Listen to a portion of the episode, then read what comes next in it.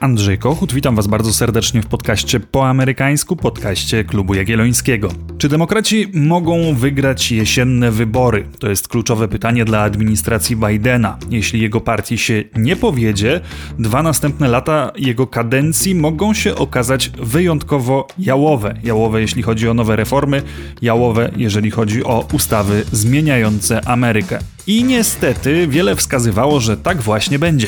Ostatnio jednak wśród amerykańskich komentatorów politycznych po tej liberalnej stronie e, słychać więcej optymizmu. Skąd się on bierze i czy rzeczywiście są podstawy, by sądzić, że wynik demokratów w listopadzie wcale nie będzie taki zły? Zapraszam do słuchania. Ale zanim do głównego tematu, to dwa krótkie ogłoszenia. Po pierwsze, postanowiłem umieszczać odcinki podcastu również na YouTubie. Sporo osób przekonywało mnie, że również tam ludzie lubią słuchać podcastów, równie chętnie słuchają tam jak na innych platformach, no i dlatego warto również e, te platformy uwzględnić. Kanał nazywa się tak jak podcast, po amerykańsku, a dla wygody link zostawię Wam w opisie, bo tak będzie łatwiej go znaleźć. Po prostu wyszukiwarka jak na razie nie radzi sobie z tym stosunkowo nowym kanałem i może być trudno go wyszukać. Warto zasubskrybować z dwóch powodów. Po pierwsze, YouTube daje możliwość e, komentowania, więc jeśli będziecie mieli do mnie jakieś uwagi, jeżeli chodzi o konkretny odcinek, sugestie co do samego podcastu, może jakieś pytania, może propozycje tematów, to na pewno tam będzie łatwiej się ze mną skomunikować. Po drugie, w przyszłości chciałbym tam wrzucać również dodatkowe materiały wideo. Swego czasu występowałem na YouTubie Klubu Jagiellońskiego, ale od wielu miesięcy e, już mnie tam nie ma, no i przyznam, że tej formy trochę mi brakuje. To jest pierwsze ogłoszenie. E, to drugie ogłoszenie jest takie, że już pojawiła się w księgarniach moja książka Ameryka Dom Podzielony. Można kupić tradycyjną, taką papierową wersję, można kupić oczywiście w wersji elektronicznej na czytniki i uwaga, będzie też audiobook. Jeśli chcielibyście posłuchać tej właśnie książki czytanej moim głosem, e, no to taka możliwość również się pojawi, żeby ten audiobook nabyć. Jakiś fragment zapewne pojawi się już wkrótce właśnie w podcaście po amerykańsku. Książka opowiada o wyjątkowo trudnym czasie dla Stanów Zjednoczonych, o pandemii, rzekomo sfałszowanych wyborach, ulicznych protestach po śmierci Floyda, rywalizacji z Chinami, Afganistanie, Rosji i wielu innych wyzwaniach, przed którymi stanął Waszyngton w ostatnich latach. Skąd się brały te kolejne kryzysy Ameryki? O tym starałem się opowiedzieć właśnie w tej nowej książce. Ameryka, dom podzielony. Jeśli podoba Wam się ten podcast, mam nadzieję, że spodoba Wam się również książka. Link E, także dla wygody zostawiam w opisie. Oczywiście serdecznie zachęcam do lektury i to tyle ogłoszeń. Mam nadzieję, że nie było zbyt długo. Obydwie sprawy wydawały mi się ważne. A wracając do głównego tematu odcinka. Lista przyczyn, dla których demokraci nie będą mieli łatwo w nadchodzących wyborach, jest długa. Już samo to, że są to midterm elections, czyli te wybory, które odbywają się w połowie kadencji urzędującego prezydenta mogłoby wystarczyć, bo jak spojrzymy na historyczne wyniki wyborów, w przeszłości bardzo często bywało tak, że partia, która aktualnie miała swojego przedstawiciela w Białym Domu, dosyć marnie wypadała w tych wyborach połówkowych. Oczywiście czar kampanii prezydenckiej dawno prysnął, okazywało się, że sprawowanie władzy, codzienne rządzenie jest dużo trudniejsze niż składanie kolejnych wyborczych obietnic. No i w dodatku dwa lata to wystarczająco dużo czasu, by nowa administracja zdążyła popełnić swoje pierwsze, drugie, trzecie, a może nawet i czwarte wpadki. Wyborcy partii rządzącej w związku z tym stawali się zdemobilizowani, zniechęceni, no i to odbijało się na wyborczych wynikach. W 2006 roku za kadencji Busha republikanie stracili obie izby kongresu. W 2010, to już czasy Obamy, demokraci stracili większość w Izbie Reprezentantów. Cztery lata później, podczas kolejnych midtermów, stracili kontrolę nad Senatem. Dla Trumpa z kolei wybory w 2018 roku również nie były łaskawe. Republikanie utrzymali się wtedy co prawda w Senacie, ale stracili Izbę Reprezentantów. I już ta prawidłowość powoduje, że w tym roku demokraci będą mieli, mówiąc kolokwialnie, podgórkę. A do tego należy dołożyć kiepskie, może wręcz fatalne notowania samego prezydenta Bidena, którego przez te dwa lata krytykowano za rozmaite rzeczy od sposobu walki z pandemią poczynając, a na fatalnym wycofaniu wojsk z Afganistanu kończąc. Topniejące sondażowe słupki to był bardzo wyraźny dowód tego, że amerykańscy wyborcy wyborcy czują się rozczarowani Bidenem. Być może spodziewali się, że zniknięcie Donalda Trumpa uleczy bolączki Ameryki. Tak się nie stało, przynajmniej nie od razu. No i stąd notowania Bidena nie wyglądają najlepiej. A do tego wszystkiego dochodziły jeszcze podziały wewnątrz demokratycznego obozu, spory pomiędzy progresywistami a tą bardziej umiarkowaną częścią Partii Demokratycznej o to, jaki ma być kształt wprowadzonych reform. W związku z tym te reformy również się ślimaczyły.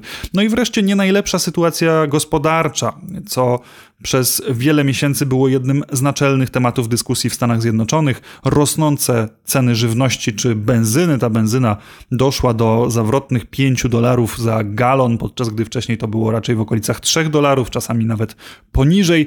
Do tego oczywiście inflacja, która wielokrotnie gościła e, na medialnych paskach informacyjnych, nagłówkach i tak dalej. A pogarszająca się sytuacja gospodarcza to jest zawsze obciążenie dla aktualnie rządzącej partii e, politycznej i tak jest również w przypadku demokratów. Trudno się zatem dziwić, że prognozy przedwyborcze raczej skazywały demokratów na porażkę. A jednak ostatnio w szeregach partii widać większy optymizm.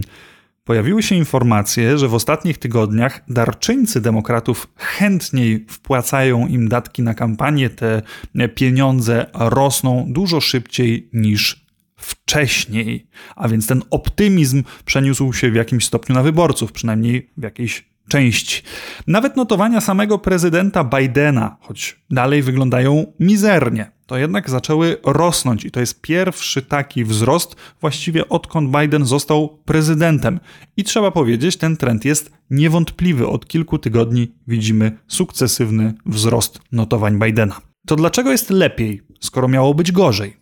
O jednej istotnej zmiennej już mówiłem tydzień temu, więc tym razem powiem tylko o tym w skrócie. Ta zmienna nazywa się Donald Trump.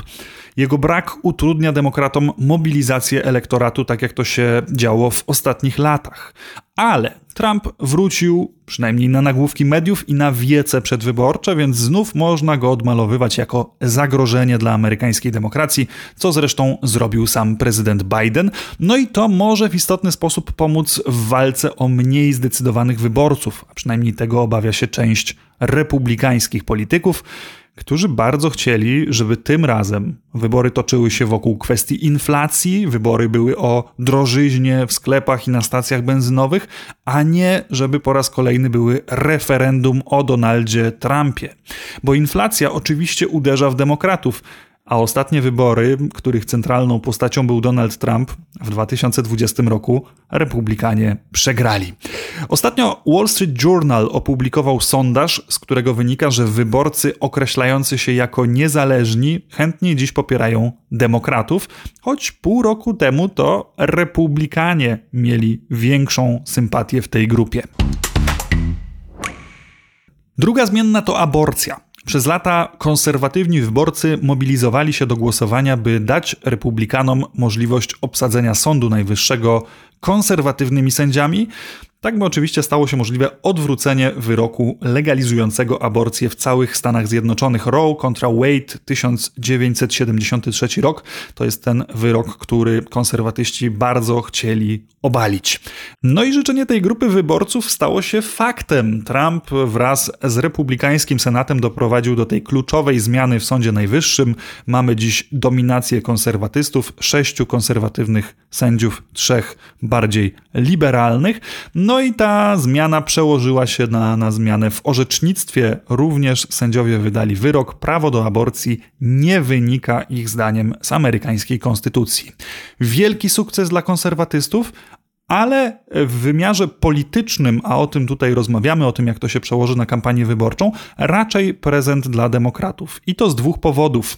Po pierwsze, Teraz to ich wyborcy mogą się mobilizować, by odwrócić sytuację w Sądzie Najwyższym i być może doprowadzić do kolejnej zmiany w orzecznictwie dotyczącym aborcji. Po drugie, są jeszcze wyborcy niezdecydowani, są umiarkowani republikanie wreszcie, bo trzeba pamiętać, że aborcja była legalna w całym kraju przez prawie 5 dekad. No i dzisiaj 61% Amerykanów zgadza się z takim stwierdzeniem, że aborcja powinna być legalna niemal we wszystkich przypadkach. Kiedy spojrzymy, jak to poparcie dla aborcji różni się pomiędzy wyborcami obydwu partii, no to oczywiście widać ogromną różnicę. Za aborcją jest 80% demokratów i tylko 38% republikanów, ale to dalej więcej niż 1 trzecia republikańskich wyborców, którzy uważają, że aborcja jednak powinna być legalna.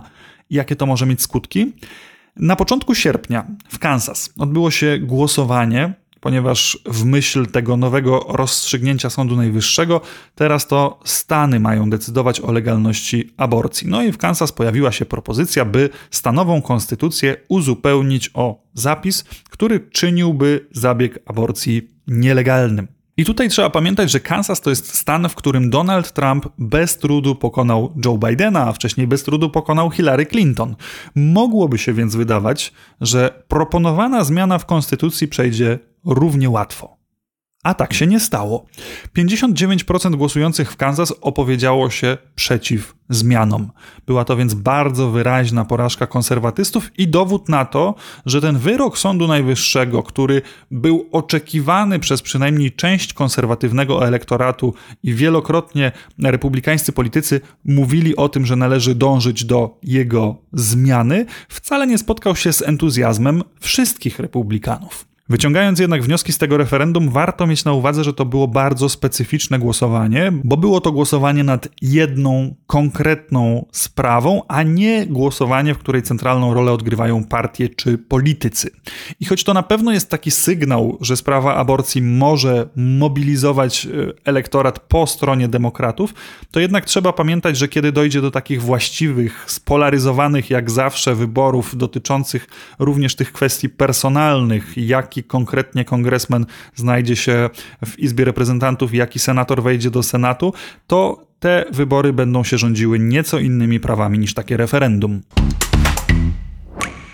Dodatkowo pojawiło się pewne złagodzenie problemów gospodarczych. Co prawda, ostatnie dwa kwartały przyniosły spadek amerykańskiego PKB i ekonomiści sprzeczają się, czy to już jest recesja. Inflacja oczywiście pozostaje wysoka, ale ta inflacja w lipcu nieco spadła. Po kilku miesiącach nieustannego wzrostu nagle zobaczyliśmy spadek. Oczywiście ten spadek był niewielki. W czerwcu to było 9,1%, w lipcu bodaj 8,5%. Oczywiście nie wiemy jeszcze, jak to wyglądało w sierpniu, bo te wyniki będą dostępne bliżej połowy miesiąca. Ale jednak pozytywny sygnał jest. Bezrobocie utrzymuje się na poziomie poniżej 4%, czyli wciąż jest rekordowo niskie, a takie comiesięczne raporty informujące o tym, jak zmienia się rynek pracy w USA, pokazują, że wciąż przybywa tysiące nowych miejsc pracy. Kiedy więc Ceny benzyny zaczęły spadać, a to prawdopodobnie też zahamowało wzrost inflacji. Można zakładać, że również wśród amerykańskich wyborców ten optymizm stał się nieco większy, również w stosunku do działań władz. Ostatni element, na który chciałbym dziś zwrócić uwagę, to jest kwestia wiary w zwycięstwo. Taki aspekt psychologiczny całej sprawy, bo ogromnym problemem demokratów przed nadchodzącymi wyborami może być Brak mobilizacji może być to zniechęcenie, o którym mówiłem, które często towarzyszy wyborcom partii, która aktualnie rządzi w czasie midterm elections. Tymczasem od kilku tygodni ten ton komentarzy się zmienił. O ile do tej pory często słyszeliśmy, że te wybory połówkowe najprawdopodobniej padną łupem republikanów, że demokraci prawie na pewno stracą kongres, że właściwie sytuacja trochę zaczyna wyglądać na przesądzoną, również w związku z tym, jak słabo e, radzi sobie w sondażach sam prezydent Biden, o tyle w ciągu ostatnich tygodni ten ton zaczął się zmieniać. Zaczęliśmy słyszeć o tym, że być może demokraci mają jeszcze szansę. Zaczęliśmy słyszeć więcej o problemach samego Trumpa. No i do tego dochodzą jeszcze takie symboliczne zwycięstwa, jak to zwycięstwo na Alasce, gdzie w wyborach uzupełniających do Izby Reprezentantów demokratyczna kandydatka pokonała Sarę Palin, byłą gubernator, no i kandydatkę na wiceprezydenta z 2008 roku. A Alaska to jest stan republikański. Zresztą te wybory uzupełniające odbywały się dlatego, że należało zastąpić zmarłego kongresmena republikańskiego. I takie sukcesy również dodają wiatru w żagle demokratom, choć oczywiście należy pamiętać, że to zwycięstwo demokratów na Alasce e, to bardziej skomplikowana sprawa. To jest efekt wyjątkowo dużego elektoratu negatywnego samej Sary Palin i dodatkowo nietypowego sposobu głosowania, tak zwanej ordynacji preferowanej, w której wyborcy nie głosują na konkretnego kandydata, ale układają listę swoich preferencji od kandydata, który ich zdaniem powinien zwyciężyć, do tego, którego najmniej chętnie widzieliby na miejscu zwycięzcy. No i tak się złożyło, że republikanie mieli w tych wyborach dwóch kandydatów. Sarah Palin miała kontrkandydata. I ten kontrkandydat przyciągnął część głosów tych bardziej umiarkowanych republikanów, którzy nie znosili Sary Palin. I oni na tych swoich kartach do głosowania, na tej liście preferencji, często umieszczali demokratyczną kontrkandydatkę Palin wyżej niż samą Palin. I w ten sposób, być może nie do końca świadomie, wsparli sukces demokratów. Dobrze, koniec dygresji. Istotny tutaj jest fakt zmiany nastawienia demokratycznych wyborców. Wierzący w zwycięstwo, zmobilizowani, chętniej będą wpłacać datki, chętniej zaangażują się w kampanię, wreszcie oczywiście chętniej pójdą na wybory. To wszystko oczywiście nie oznacza, że teraz sukces demokratów jest przesądzony. Portal 538 przygotowuje swoją autorską prognozę tego, kto aktualnie ma większe szanse w poszczególnych wyborach, no i z tych ich prognoz wynika, że republikanie wciąż mają zdecydowanie większe szanse na zwycięstwo w walce o Izbę Reprezentantów. Natomiast już w Senacie sytuacja nie jest tak oczywista. Demokraci mogą utrzymać kontrolę nad Izbą, a nawet zwiększyć liczbę swoich senatorów, a to jednak mogłoby znacząco poprawić perspektywy rządów Bidena w następnych dwóch latach. Czy tak będzie, przekonamy się wkrótce. To tyle na dziś. Oczywiście o wyborach e, jesiennych, listopadowych w Stanach Zjednoczonych nie zapomnę w podcaście po amerykańsku i już w przyszłości możecie się spodziewać kolejnych analiz na ten temat. Raz jeszcze polecam swoją książkę Ameryka Dom Podzielony, link w opisie i przypominam, że odcinki podcastu po amerykańsku od niedawna można znaleźć również na YouTubie. To tyle na dziś. Bardzo Wam dziękuję za uwagę i do usłyszenia.